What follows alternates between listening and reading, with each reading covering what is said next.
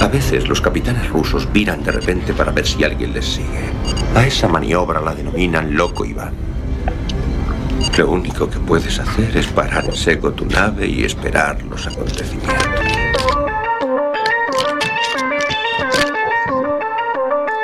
Galaxy 347 of Space Patrol calling unidentified ship.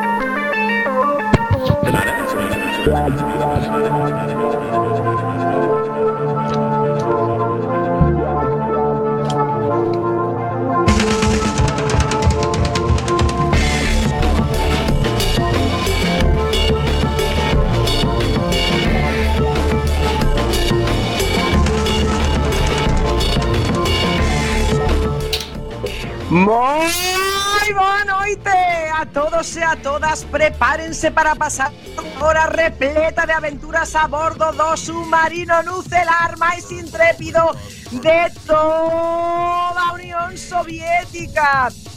Esta semana, que pasou, queridos e queridas amigas?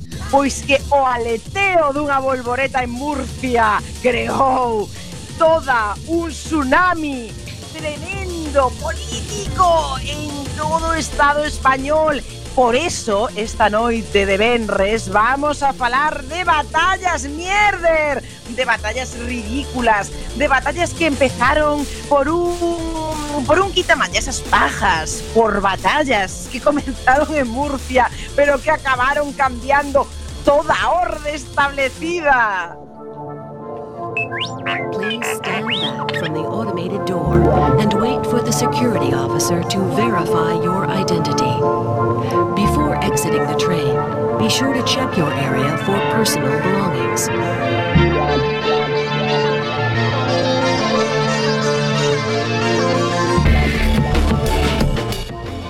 E o facemos co señor Bugalov na sala de máquinas.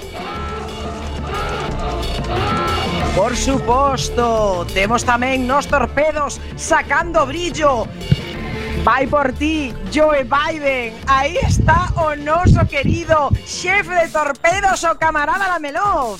Boa noite, camarada. Un saúdo moi especial a Joe Biden que se recuperará da súa caída pola escaleira. é verdade, é verdade. Moita saúde para Joe Biden. Tamén moita saúde na biblioteca, nos intelectual moderno. O nos intelectual moderno vais, queridos señores Mendrellev. Boas noites a todas e a todos. E por suposto, sempre tras de mí, sempre cun coitelo na man, sempre eh, unha rebarbadora eh, preparada para calquer tipo de incidencia. Aí está a Tovaris Beosca. Pois sí, é moi fan das batallas, sobre todo contra as superioras inmediatas. E xa saben, se necesitan unha batalla que perder, sempre conten coa capitana Esbletana Ibarruri. Isto é Loco Iván. Comezamos! Galaxy 347 of Space Patrol calling unidentified ship. They're not answering.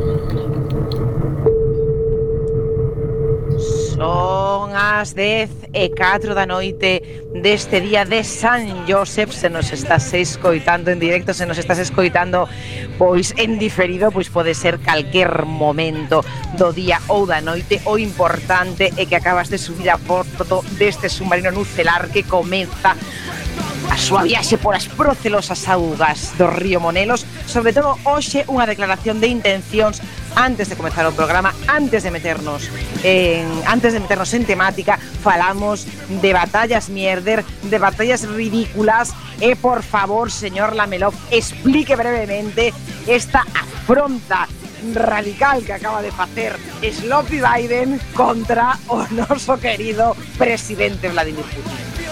un pobre home maior que está senil que ten certos trastornos cognitivos entón claro, que, que pode facer? Pois nada, dicir chorradas de feito a resposta de do camarada do camarada Vladimir pois resulta que eh, xa o puso no seu sitio eh, e lle dixo basicamente que se mirara no espello e resulta que Biden pois non se reflectiu nese espello porque debe ser medio vampiro, entón non, non había ninguén aí, non sei se nin, ninguén no espello e, e ninguén ao volante tampouco. Así que victoria para Putin, que por certo retouno a, a facer unha conversa eh, en directo, eh, online. Eh, é verdad que dixo como eh, eso que llamáis online, ¿no? Sí, sí. Vosotros vos que llamades, llamades online nos chamamos a cara de perro. Eh, a cara can. A cara can. eh, obviamente outro, pois, da, pois, da, da, eh, eh, do medo e, e do cagonismo que lle deu, pois case que pola escalera do, do avión. Pois, xa sabe, Sloppy Joe, estamos, estamos moi atentas os teus movimentos. Por certo, señor Tovarixes Mendrellev, que está aí... Eh, estaba tomando como unha especie de Nesquí eh, antiquísimo.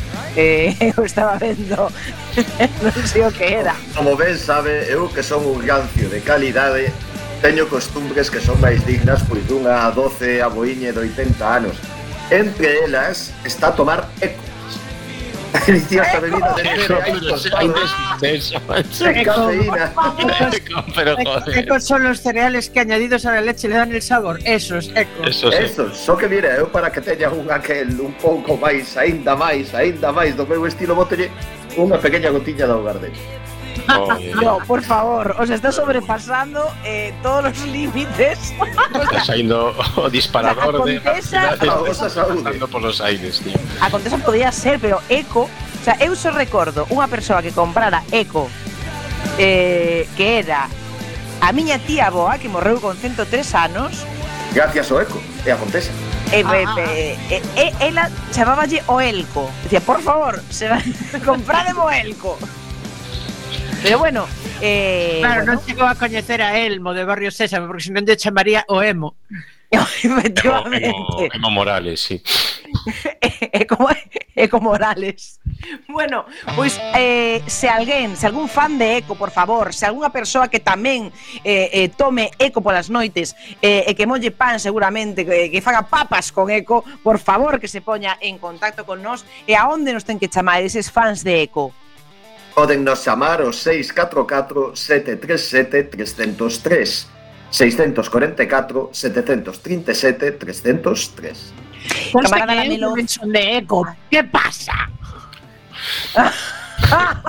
Por favor. Xa sabía eu que iba a haber alguén máis. Este é un grupo a ver, de xente intelixente. Vamos a ver.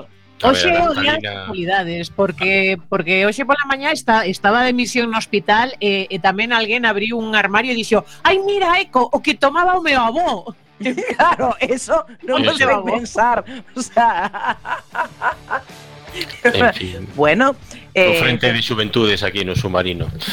A ver, é que eu polo que lin, a vacuna da AstraZeneca ten un componente no, do café eco, de feito. Non é café. do bueno, do que sexa, do que sexa, do, o sea, de, de esos polvos, pois eh, se, o antíxeno da AstraZeneca está feito cunha unha porcentaxe de eco. Eh, mellor deses pos que os polvos, o sea, se levara polvos aínda tiñan pase. claro. Oye, señor Lamelov, por favor, os e as fans de Eco da, do mundo, onde se poden poñer en contacto tamén con nós a través de redes sociais pois supoño que a través de outro mundo, porque onde están todos mortos xa. Bueno, eh, no caso de que haxa de que haxa eh, redes sociais no máis aló, pois poden facelo en Facebook e Twitter a través de arroba loco Iván Cuac e na gloriosa rede social Mastodon, pois loco Iván, nada máis. Bueno, pois denantes de Eco que Escravos, arrancamos o programa, xa saben, hoxe falamos de batallas de mierder.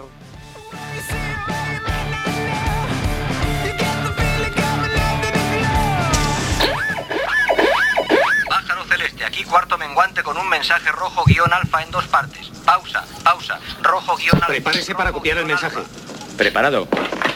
Romeo, Oscar, noviembre, Charlie, Tango, Tango, Lima, Alfa. Verificación. 2, 2, 0, 0, 4, 0, Delta, Lima. Mensaje válido para mí. Preparado para verificación. Listo para verificación, señor. Introduzca el código de lanzamiento. Código de lanzamiento.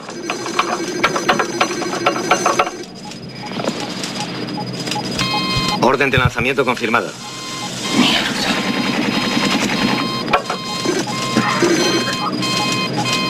Selección del objetivo efectuada. Trayectoria hasta el objetivo efectuada. Selección de alcance efectuada. Cuenta atrás, tiempo menos 60.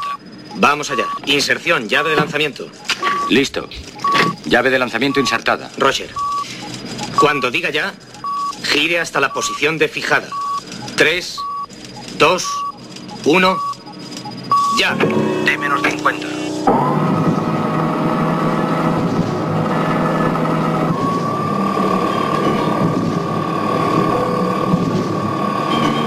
Roger, llave fijada.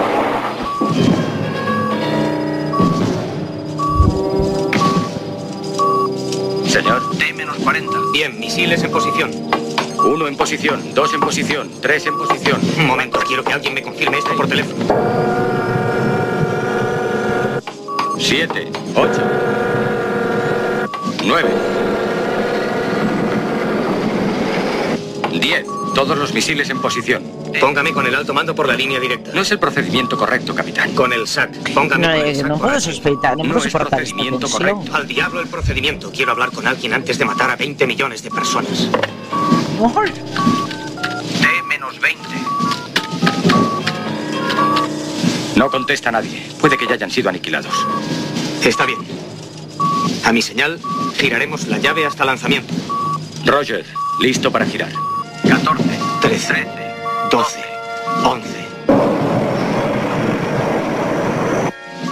7, 6. Señor, nos han ordenado lanzamiento. 4, 3. Ponga la mano en la llave, señor. Lo siento. 1. Lanzamiento. Lanzamiento, señor. Gire la llave. Lo siento mucho. Lo siento.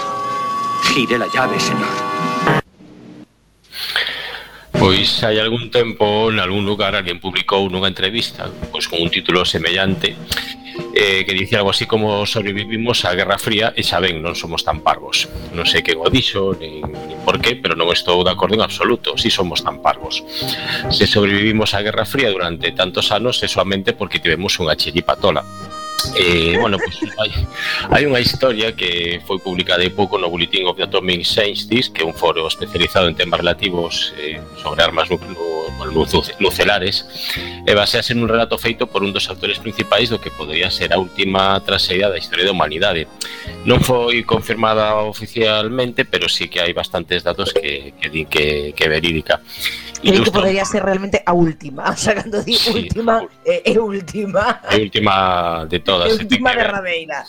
Derradeira total, pois ten que ver un pouco co, co, bueno, coa escena esa da película de Xogos de Guerra, non? Que ilustra un problema relacionado coa misión e indicación de ordes na que a criptografía xoga un papel principal eh, a base de misiles ou un submarino de, de misiles, bueno, pues recibe unha orde, os tripulantes proceden a autenticala para verificar que se trata pues, dunha, dunha proba ou dunha, ou dunha real ou, bueno, unha broma tamén. Comparanse os códigos recibidos cos guardados nunha caixa de seguridade e se actuamos en consecuencia. En ocasións os códigos son unha atrapallada e serven o mesmo que nada, outras veces a cadea de mando se fragmenta e os oficiais deben facer a súa elección sobre pues, que, que, que facer, non? que decidir. Non? Tamén algo así acontece na película Marea, Marea Vermella. Eh, bueno, pues esta historia combina un poquinho de ambas cousas, non? E que ten, xa digo, ten que ver como bueno, pues coa película está Xogos de Guerra, da que obviamente a película foi moi posterior.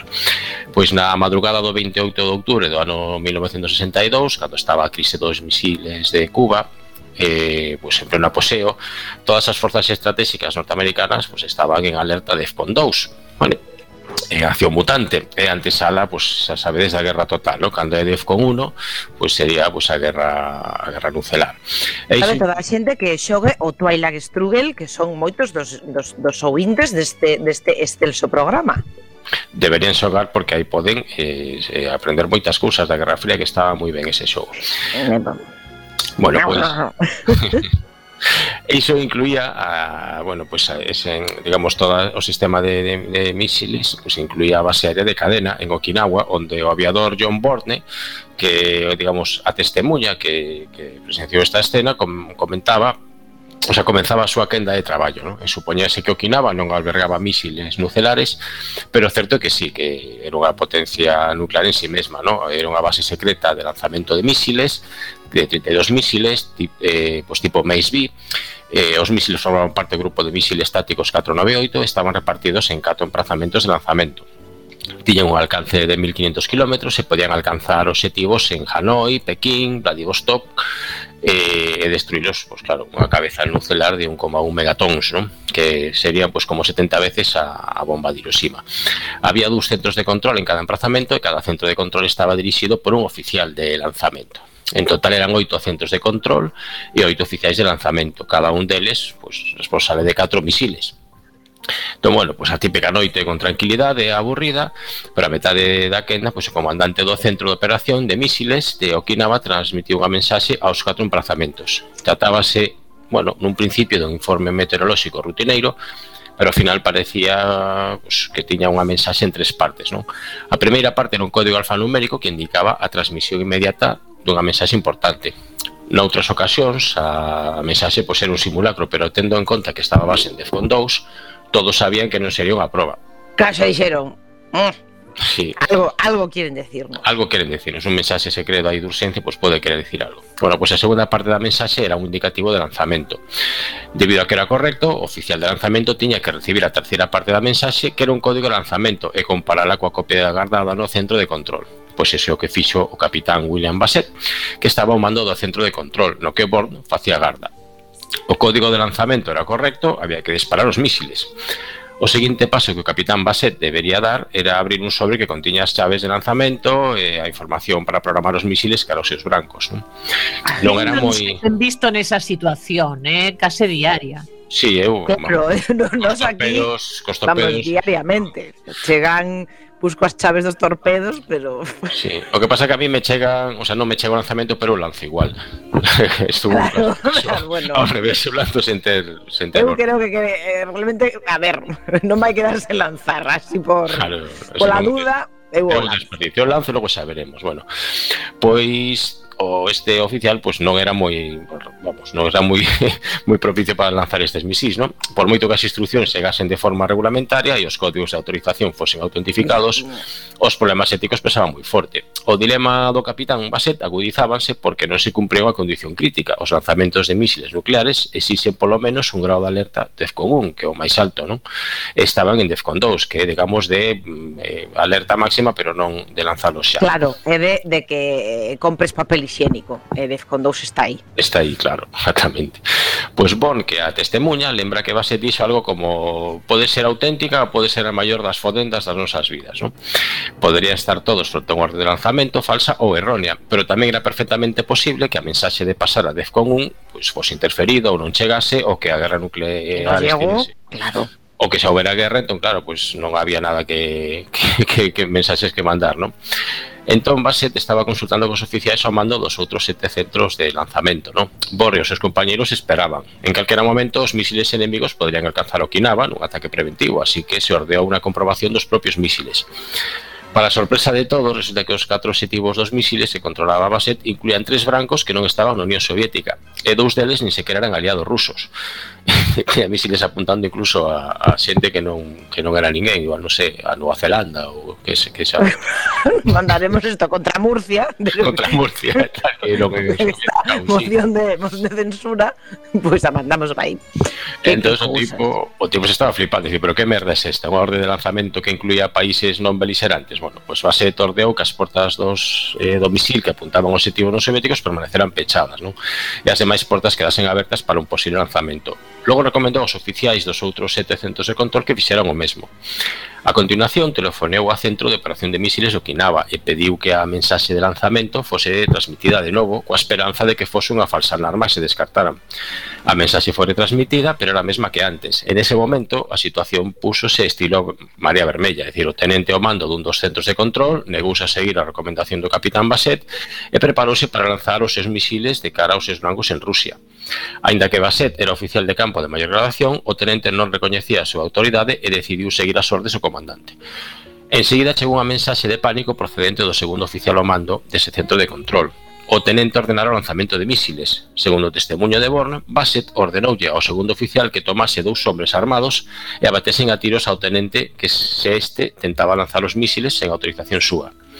En ese momento de tensión extrema, pois Bassett conseguiu acougar a súa mente e caiu na conta de algo moi extraño. As ordes de lanzamento foran transmitidas despois dun informe meteorolóxico rutineiro.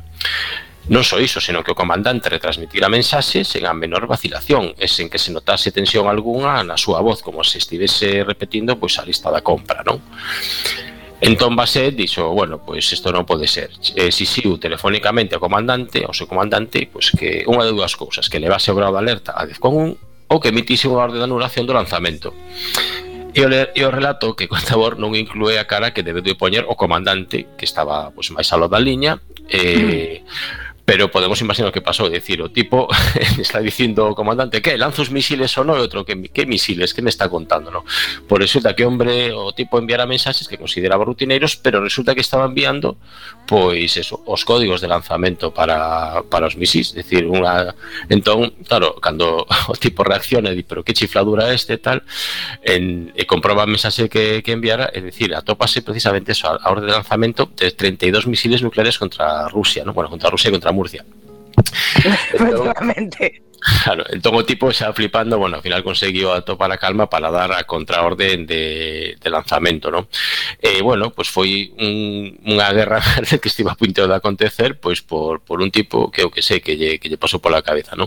Non se sabe ainda moi ben porque enviou esas mensaxes, non? E, eh, e eh, porque o supostamente sofisticado sistema de autentificación, pois para avisar un lanzamento accidental, pois eh, fracasase, eh, fracasase tan estrepitosamente, non? A ver, contan que estaba tomando Elco, estaba ah, tomando a persoa que mandou a, a mensaxe. Eh, pois estaba tomando eco e por algunha por, por algo raro pois se lle cruzaron se lle cruzaron os cables. Hai que ter en conta que neste relato que nos acabas de facer non caíches nunha cousa moi importante que como persoa mm, friki deste programa deberías saber que, que efectivamente a crise dos, dos misis cubanos tamén se parou porque aí estaban os X-Men. Non sei se, se recordades eh, que queda moi moi claro eh, nesa película que a mí me encanta, que non recordo ahora de que ano é, que X-Men primeira xeración na que queda claro que a Guerra dos Misís pois apararon os mutantes. Sí, tamén o que pasa que, bueno, coa axuda deste, deste home que case manda os misiles por, por error, non? Bueno, bueno pues, por deste, eh, afirma que, bueno, que hubo un consello de guerra eh, e, e que, bueno, Bassett comentou tamén que, que o comandante fora degradado e obrigado a retirarse tras cumplir o período mínimo de servicio de 20 anos, non? Parece ser que non se tomaron máis máis medidas contra, pues, contra ninguén, non? A ver, pero... porque oye, o que non foi, tampouco vamos a ver, vamos a ver, tampouco vas a. Sí. tampouco vas a, a acabar con esta persoa, joder. Pois, bueno, igual era, eh, era bo, non? Bueno, o caso é que no noso bando tamén houve un caso semellante, non?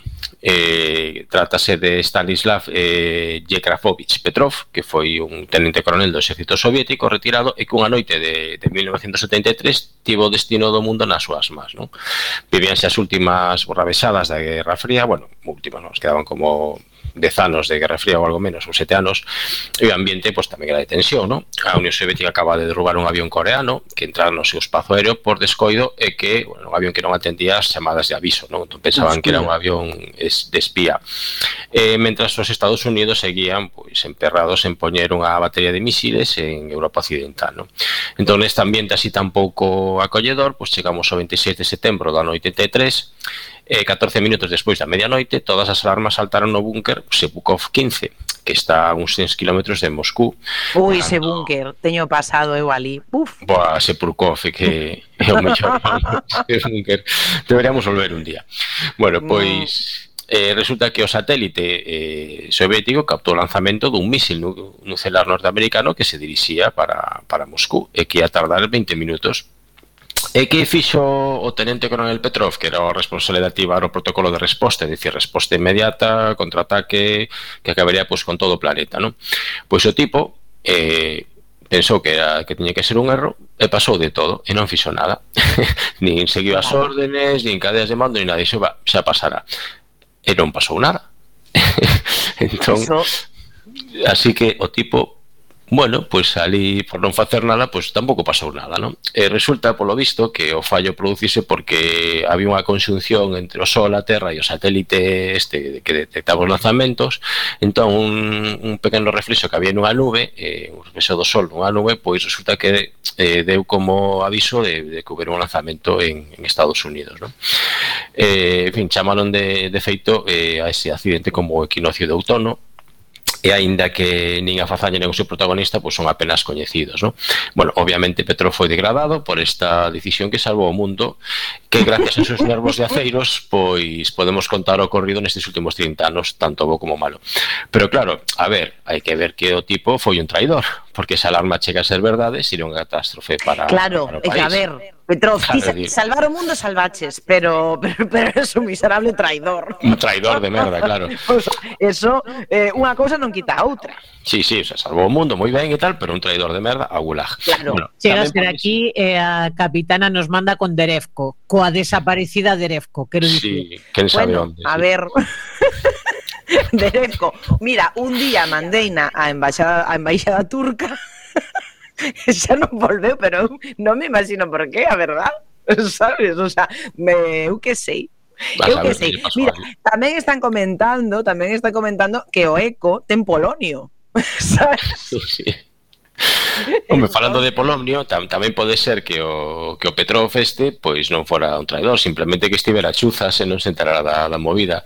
O tipo aí só no búnker, nun silo de misiles, en un mes tan deprimente como setembro, sen internet, sen Netflix ni nada, pois xa diretes vodka e que chovan misiles nucelares, pois que chovan. Claro. A ver, eu penso unha, unha cousa, que hai que ser dunha pasta un pouco especial para estar aí, non? Quero dicir, eu, eu mesmamente se estou nesa situación, pois igual non fago nada. Inda que pense que verdad a mensaxe que nos está atacando. Bueno, eu eso o teño, o teño por certo que non farías. Que non farías sí, nada. Sí. eu sí. Igual eu, que estou tomando eco, e digo, eh, bueno. hostia, bueno, bueno, bueno. Eu mandaría a todos, eu mandaría a todos, houbera, non houbera alarme, empezaría a darlle os botóns, veña, ala, pa diante. Hombre, mira, a mí din... Se claro. estás aí, pa algo non vas a estar... Ir, pana, vos es perder o tempo. Se vas... Mira, eu creo, que de esa tripulación, vamos, quiero decir, que de esta tripulación, la Melov, mmm, mandaríos misis, e Beosca mandaríos misis.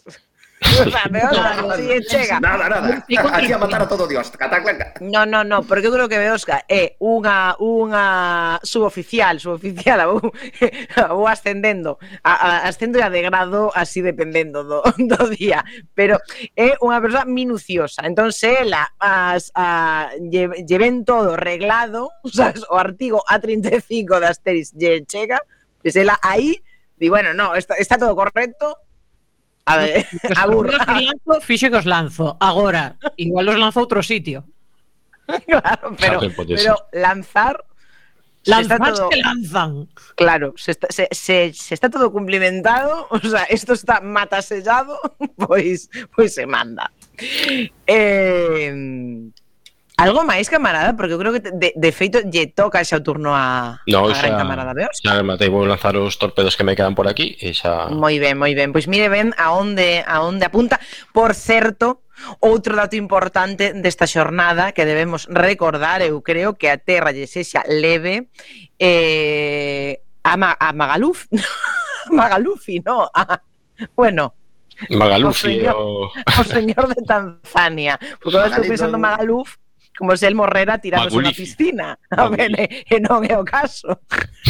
Mira, Magaluf é un bo sitio para lanzar un misil nucelar. ¿ves? ¿eh? Claro, digo, oye, que o mellor eh, non, a Magufali, Maga, Magu... Ma, Magufali. Eu pensaba que era Magulufi, pero bueno. eh, pues, men, mentres Beosca nos conta a súa, as súas informacións, eu vou buscar eh, na odiosa rede capitalista de Google como se chamaba realmente, será Magufali, Magalufi, eh, e se morreu caendo unha piscina, se, se, se tirou cara unha piscina ou que pasou. O adiante de Oscar.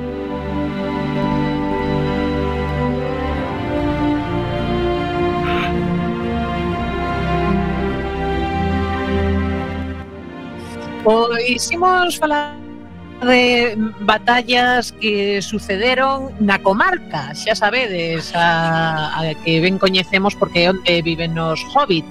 Eh, bueno, que eles as chamaron batallas e eh, habería igual que discutir un poquinho porque igual son un pouco, pois iso, mm, batalliñas de merder. Eh, a primeira, porque en realidade eh, houbo dúas dúas batallas na comarca, non máis. A primeira foi a batalla dos Campos Verdes, que se vos interesa a data, porque todos sabemos que é importante saber a, a data nos temas históricos, Sempre. foi no ano 2747 da terceira idade. Eh, foron os hobbits liderados por Brandobras Tuk, de co apelido, que seguro que moitos xa sabedes por onde vai a cousa, foi contra os orcos liderados por Golfimbul quedade con... con... Oi, oi, oi, a ver, vou buscar. Pois resulta que Brando Brás, eh, bueno, acabaron gañando os hobbits porque Brando Brás decapitou a Golfimbul golpeándolo cun, cunha porra de madeira que os hobbits, ou seja, ah. moi boa xente e tal, pero hai que pegar moi forte para que te decapiten cunha borra de madeira. Realmente é un orco que teñen un pescozo do tamaño dun rinoceronte, entendámonos. A ver, que era o bis, bis, bis, bis, bis, bis, bisavó de Peregrine Tuk, alias Pippin. Efectivamente, de aí ven o, o do Tuk. Ben, pois a cosa é que iso, pegolle coa porra, a, a cabeza sei voando e caeu no buraco dun coello. E así os hobbits iron coa cabeza de Golfimbul o Golf. Bueno, pues sí, bueno. É así, quero dicir, está está escrito nos libros, é así. Está. A partir de aí o golf pasou o, o deporte dos, dos hobbits. Eh, e eh, bueno, xa vedes, máis que iso, máis que unha batalla foi unha escaramuciña, pero bueno, foi a súa bueno. primeira escaramuza grande como a quen di, entón pois o chamaron a batalla e aí quedou. E logo hai unha segunda batalla eh, da que se fala, no sei, película.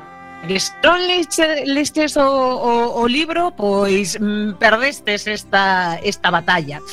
Eh, aparece nun dos, dos últimos capítulos do, do libro, foi o 3 de novembro de 3, 3019 da terceira idade, eh, e foi a última batalla da Guerra do Anel. Anda. Mm, veredes, cando os hobbits xa pois eh, botaron o, o, o anelo o volcán eh, mm, eh, derrocaron a Sauron e todo isto, pois voltaron para casa, pois como que moi crecidiños, non? Quero dicir, de como saíran da casa, claro. todo a que prende, o, o que aprenderon e como voltaron e tal, pois viñan moi crecidiños. E resulta que cando chegaron ali, eh, atopáronse cunha, bueno, cunha banda importante, quero dicir, un pequeno exército de seniorcos e dunlendinos capitaneados por quen? Pois por alguén a quen chamaban Zarquino, que ven ven querendo dicir o vello no, no derivado do idioma orco, que resultaba ser Saruman. Oi, quero dicir que se viches a pinícula pois Saruman como que eh, non podía estar aí. Bueno, no. mira, vou facer spoiler porque a estas alturas todo o mundo Eu creo que, que aquí que ver podemos facer spoiler neste programa cara, deste tema. Cara ao final da, da película, pois morre caendo dunha torre porque eh, Grill ser pegalle en espada. Pois non, non, o que realmente sucede é que chegou a marca eh, eh, os, os semiorcos estes e os mm, dunlendinos eh, decidiron tomar a comarca. Cando chegaron os hobbits, os, os nosos catro hobbits, quero dicir, que eh, se toparon co tema porque eles como que xa estaban conquistando a comarca, non?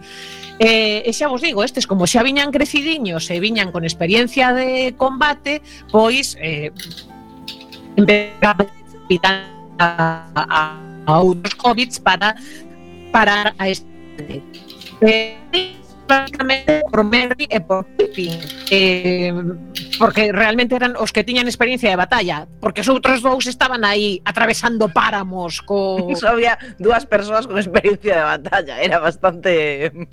Sí, que non é pouco, que non é pouco. Bueno, bueno, claro. Eh, Eh, bueno, eh, Sam tamén estivo na batalla, eh, Frodo que xa sabemos que quedou moi perxudicado de despois de todo o tema de andar cargando co anel e todo isto, pois limitouse a axudar cos, cos feridos, e eh, bueno, tamén mm, para que respectaran un pouco os dereitos dos que se rendían e todas estas cousas. A mí este Frodo nunca me acabou de, de convencer, eh? Non sei, non sei que opinades sobre peli, todo. No libro, na, na peli é un pouco pusilánime, eh, no libro é unha persoa máis normal, podes identificarte máis con el.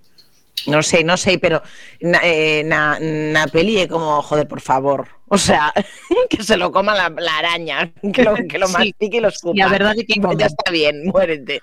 Home, hai que entendelo. O tío vai por aí aguantando as tolemias do Frodo, coa nela aí o cu do mundo, aparece ya aí o yonki do Baggio e pégase a él ese teno que levar tamén. Bueno, no, pero claro, pero estoy diciendo que San é eh, como un señor joder, que dis, tío, oye, que, que botipo, joder, eh, eu querería sair sempre, sabes? Sí. Pasa algo, pasa algo moi difícil, claro, que é moi difícil de trasladar ao, cin ao cinema, pero que no libro está moi ben contado que é o discurso interior de Frodo, claro, porque Frodo está a, sendo permanentemente tentado polo anel, a peli inténtase, pero non se pode trasladar exactamente igual que o libro. O desgaste da carga, non? Que lle chama todo o tempo Tolkien durante o transcurso do libro. A carga, sí. a carga, a carga, a carga, ata que, ata que ao final... Claro, é que tamén hai que ter en conta que ao final eh, a, a destrucción do anel na peli non é como se produce realmente no libro.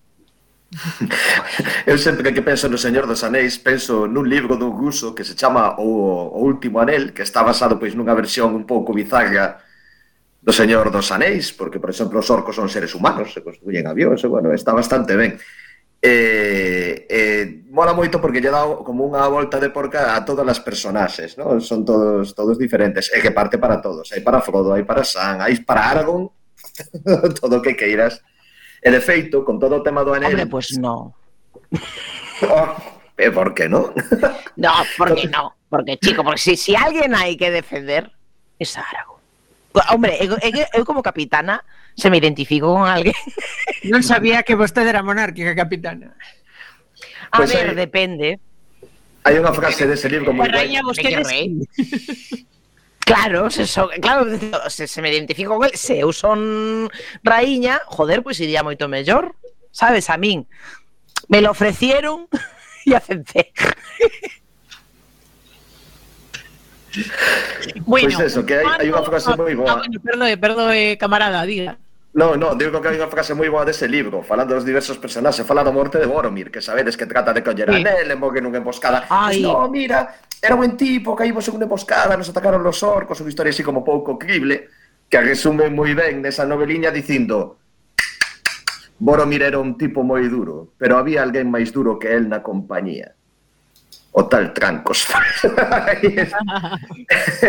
Dalle era unha, unha boa volta. Pois mm, pois nesta batalla, pois acaban gañando os hobbits, eh, mm, son, bueno, foi un pouco fastidiada, eh, foron 19 feios.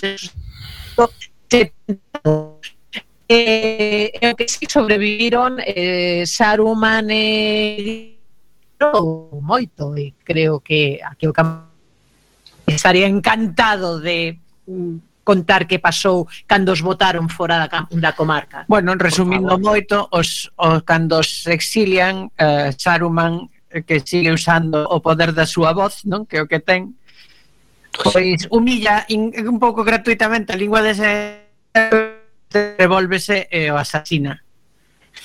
Onda eh, eh, é un grupo de arqueiros hobbits tentando evitalo ou impedir que fuxa, matan tamén a Grima. É un pouco así a sangue fría todo. Ai, joe, pois pues Grima que te diga, eh? Nada, que eu... Reídeme, o sea, pois personalmente... Pois, sí. pois a min Grima gustábame, porque eu así, cando tiña 15 anos, eu creo que me Así, vestir vestía eu como grima, sabes?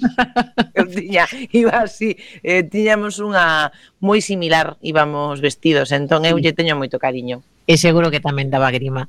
en fin, que, que tamén unha batalla de merda dentro do libro, quero dicir, o lado das outras, da, eu que sei, o abismo de Helme, claro. Todas, pues, esta como que quedaba un, un pouco máis ridícula, aínda que, bueno, entendo que para os hobbits fose importante. E ademais como que pecha un pouco o círculo, non? Que, bueno, xa o fixeran no eh, no, no libro do Hobbit que, que era un, un vixe de ida e volta non? pois aquí tamén é como eh, mm, remata onde empezou empezou na, na comarca con Frodo saído con el e eh, a última batalla e tamén na, na comarca. Eh, bueno, teño outro temiña, pero como vimos moi ben de tempo, case que vou pasar palabra, eh, esto se hai tempo metemos e se non meteremos noutro outro... Ainda que conste que eu teño que preguntalo aquí porque xa que temos a Beosca eh, e a Magalufi o señor Bugalufi o señor Bugalufi que son expertos nos anéis, eu eh, eh, vou falar, unha, o sea, vou vos preguntar porque eh, sabedes que eu non son especialmente fan, non lin os, non lin os libros, pero si sí vin as películas e a, eh, a miña batalla preferida, e vasme dicir que é unha merda comparada con, con, con outras batallas, pero a nivel épico, a nivel visual, a min a batalla dos enanos eh, dos cinco ejércitos de, mm, da peli do, bueno, xa, eu xa non sei cale, se a da peli do Hobbit, a min esa é que me encanta, o sea, cos, cos ananos facendo cuña, o sea, é la...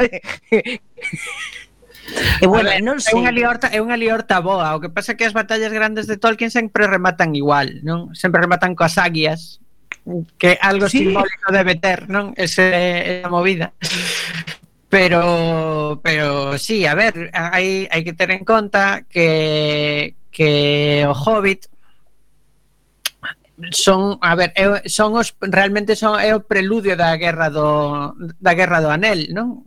E o, o Hobbit se produce no ano no que Anel foi atopado de novo despois de moito tempo e xusto coincide coa batalla dos cinco exércitos e coincide coa aparición do nigromante non? o nigromante que non era outro que Sauron pero o, que non se sabía E de feito, Gandalf ten unha desas ausencias tan súas, tan características no Hobbit, eh, bueno, está contado na peli, pero pero que basicamente vai investigar que carallo pasa con eso do nigromante e que el quen descubre que eh, ese declaro que, de que eh, de que Sauron voltou. Hai que ter en conta que dentro do rango eh, dos, dos rangos das divinidades eh, no, no mundo tol de Tolkien, non? no universo Tolkien, tanto Sauron como Gandalf teñen o mesmo rango, son ambos eh, Maia, que son eh, deidades menores, digamos, non?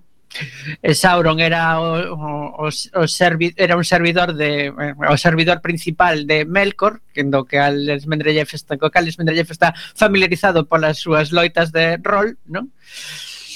Sí, sí, eu tive un personaxe que o que máis me, mollo, me molou de todos os que tiven del gol, que se chama, eh, va, o tipo era un dos heredáis de Saragunja, o dragón negro do sur, e era un capitán un bareano.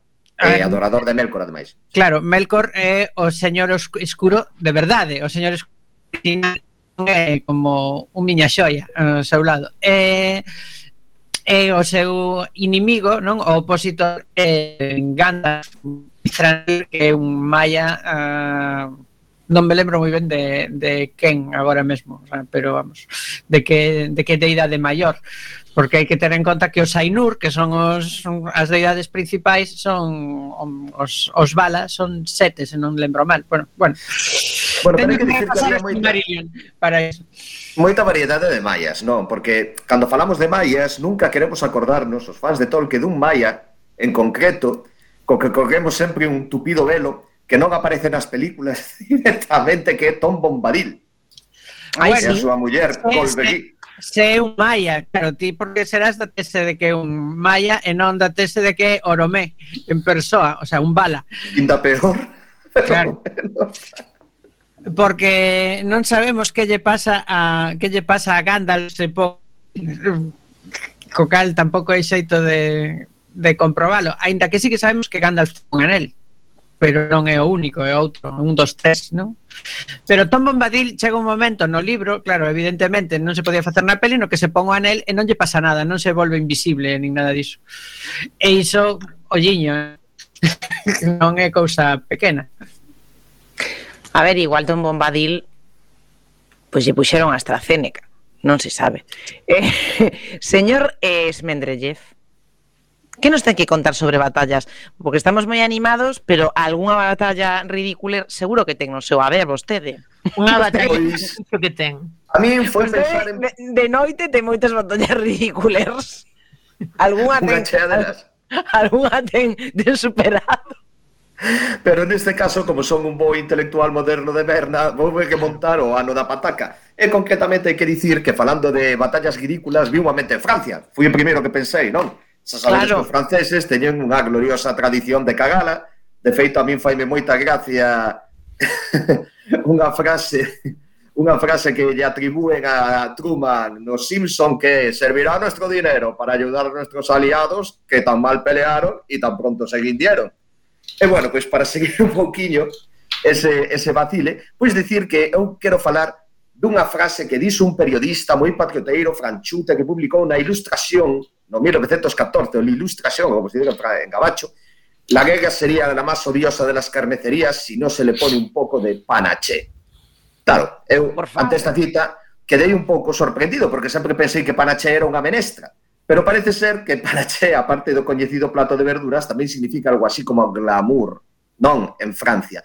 E a que viña este comentario? Pois viña a que, bueno, Francia tiña un uniforme do que estaban moi orgullosos que eles lle chamaban a Garans, Le Garans. Le Garans se chamas así por unhas flores da cal se extraía un color vermello moi moi vivo eh, co que facían os famosos pantalóns vermellos dos franceses, non? Que era un color de uniforme que utilizaban desde 1829. E agora hai que explicar por que era importante este tema do color en 1829. Porque... Pensamos nas guerras napoleónicas. Daquela, pois, as armas eran unha merda. Non tiñan ánima estriada, eso quere dicir que ti metías unha bala dentro e iba a casa de Cristo. Entón, a única forma que tiñan os generais de conseguir matar a alguén era piñocar a todos os soldados con todos os mosquetes e poñerlos a tirar todos na mesma dirección e así con pouco de sorte, pois atinaban de alguén. E como se iban dirixindo desde un alto, e se guiaban así con bandeiriñas e con outras señais visuais, tamén era importante que levaran uniformes facilmente recoñecibles para saber que estabas atacando os outros e non atacando os teus. E así, pois, máis ou menos, montabas as escabichiñas, iban todos sentiños aí, claro. tocando tambor, patapum, patapum, patapum. Pero chegou o 1914, E nesa Primeira Guerra Mundial, pois a xente xa tiña armas de verdade, como o rifle Mauser, rifle que foi inventado en 1908 e que tiña un alcance efectivo de 1400 metros, atinando e apuntando. O cal quere dicir que, bueno, sabes, pois vas aí co pantalón vermello, tu, tu, tu, tu, por a montaña, e, pois é agardable que poidas ter algún que outro algún que outro problema, non? O caso é que nese momento Francia quería o pantalón. Permaneceu inmovible os cambios, non? A pesar lo queremos de que, e lo queremos.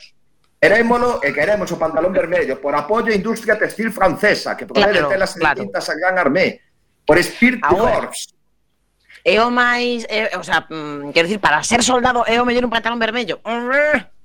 Claro. É como diría, no, no, de, no, como diría Deadpool, se te firen non se nota, se sangras, non? Claro. Vai por aí a cousa. Ademais, hai que ter en conta que os militares son moi moi tradicionalistas, non? De feito, pois fíxose famoso eh, por, por paradas de, do ministro eh, Eugène Etienne que declara su primer le pantalón Gucci, máis non, le pantalón Gucci en la France. E claro, pois con ese orgullo así foron a batalla con pantalón vermelho. Que pasou? Eh, nas primeiras tres semanas das primeiras batallas da, da Primeira Guerra Mundial de 1914 tiveron como 15.000 baixas e aquilo foi un escabechina da hostia, porque os alemanes, pois, os alemanes utilizaban este rifle Mauser, empezaron a matar xente que te cagas, e, de feito, pois, tiveron que cambiar os uniformes a outro que a partir de entón se chamaría Blue Horizon, que basicamente, pois, olvidaronse do vermello, e tomaron un color así máis grisáceo que lles eh, axudaba un pouco a, a esconderse. Claro, Mais, porque imagínate, o, quer dizer, a ver, se estás nunha batalla, pois non que sei que te diga, con Calimá, o sea, ali, ali, ali, que estaba así todo, todo, todo vermello, mm, mm, co señor este, esto, se me está yendo la pinza un pouco, porque acabo de, de falar de Indiana Jones, porque eu estaba pensando, joder, unha batalla... Unha claro, nun lugar así todo vermello, pois pues, non sé, chicos, si estás, se, si, se, si estás aí abaixo, na, con Calimá, pero que senón eu non lle vexo eu, non sei. A ver, se tes unha batalla nun campo de amapolas, pero... a ver, a cuestión que era sete moi tradicionalista De feito, houve máis baixas por este rollo de non aceptar que as armas cambiaran e a grega De feito, na grega de secesión houve un general, un nordista chamado John Sewick Que fixose famoso porque durante a batalla de Spotsylvania Que non sei ni onde carallo está na grega de, na grega de secesión Pois viu que os soldados, cando disparaban os sudistas pois se agachaban na trincheira e escondían a cabeza, tiraban so chan cando ía un tiro, estas cousas, e encarbonouse, foi para adiante, empezou a belgar que que clase de homes eran ese, que se cagaban de medo ver un tiro, Claro. e, as súas últimas palabras foron cando se puso nun alto para arengar a tropa, dicirlle, están a máis de 900 pasos, a esa distancia ya non ya tiraría non ele. Esa está. Ni que matou a frase. E aí foi. un balazo. Entre os ollos, tirado por un home, quen sabe se de Kentucky ou de Alabama, célebres tiradores, eh, fabricadores de... O tirador, 900 pasos con mosquete de... Ah, bueno, pero nesa época, cuidado, xa existían eh, rifles que teñen... De feito, os sudistas neso estaban atrasados. Os nordistas utilizaban armas de repetición, pero o máis importante Estaban atrasados que xa... en máis cousas, pero... Sí. Sinceramente, eu a 900 pasos non vexo a un fulano, eh? pois a este viro non. ou tivo moi mala sorte. Ou me poñen un alza telescópica ou asegúroche que non o vexo. Certo que son miope, pero... Bueno, hai que contar tamén outra batalla que tamén ten o seu punto de grículo, que é a guerra do Cocho. A guerra do Cocho producirse en 1859 polas, pola soberanía das illas de San Juan, que é un minúsculo archipélago que está frente á costa noroccidental de Estados Unidos, e que no seu momento fora colonizado polos ingleses que encheron todo de ovellas. Logo chegaron os americanos e encheron todo tamén de ovellas. E estaban ali vivindo máis ou menos en armonía hasta que un día un campesino americano chamado Lehman Kudlar matou un cocho que se lle colara no sembrado e aparte de moverlle os marcos, pois andaba ali comendo as cenorias. Como tipo, pois claro, tivo un rapto de furia e matou o cocho. Lamentablemente era un cocho británico e polo tanto, pois, sufría da, da protección da súa majestade a Gaíña, co cal os ingleses reclamaron que lle pagara o, o importe de cocho o seu propietario, non? El negouse, entón chegaron o resto dos ingleses, encerraron nun establo, os colonos americanos protestaron e foron enviados eh, 400 soldados á illa para que escatar o. Os ingleses pola súa parte enviaron tamén 1.400 homes e, por sorte, pois houve unha certa cordura E, e bueno, pois decidiron que bueno, que tampouco se iban a liar a tiros por un cocho e ao final por un cocho por un cocho eh, británico, non olvidemos. eh, Yo creo pues que nada. tamén xente de Pacma.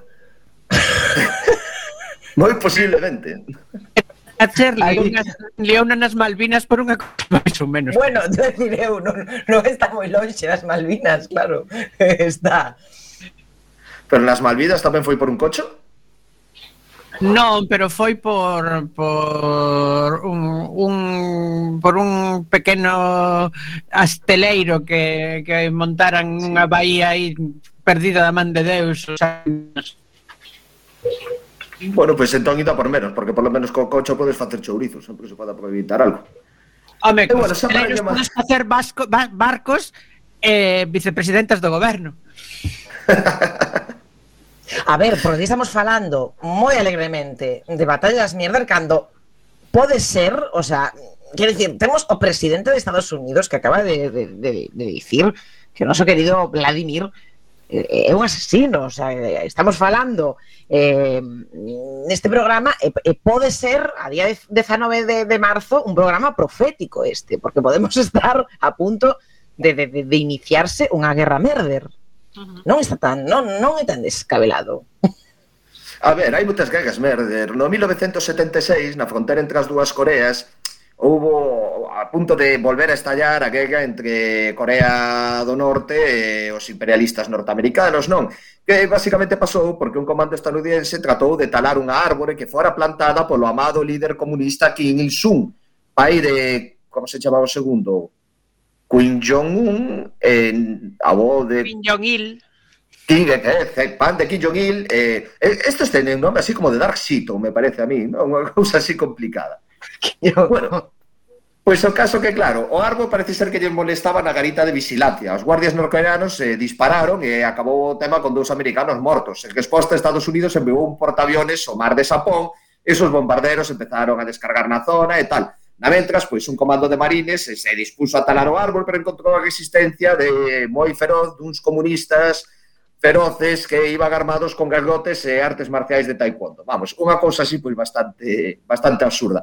Ao final, pois bueno, afortunadamente chegou a razón o grego e chegaron a acordo de que solamente podarían a parte da árbore que estorbaba a vista os gardas norteamericanos de fronteira e así pois evitouse outra gran masacre.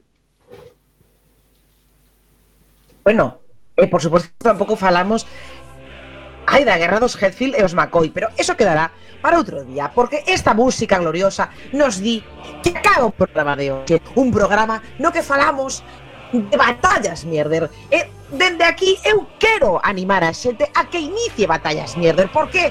Porque se hai dignidade na batalla Porque se nos temos confianza na nosa batalla Aunque sexe unha merder Aunque vayamos a perder pois hai que disputalas todas. Así que, queridos e queridas amigas, non deixedes de batallar, inda que sexa unha merder, se tedes a conciencia de que esa batalla está ben librada. E nada, eh, que vayades aos bares con moita, con moita distancia social, que estedes ata as nove e que consumades, que faigades gasto, e nada, bebe de vodka con moderación. Vos queremos moitísimo, volvemos a semana que ven, se non pasa nada, pois entre Putin e, eh, e Joe Biden, pero bueno, vémonos a semana que ven. Vos queremos que viva a revolución, inda que sexa unha revolución de merder.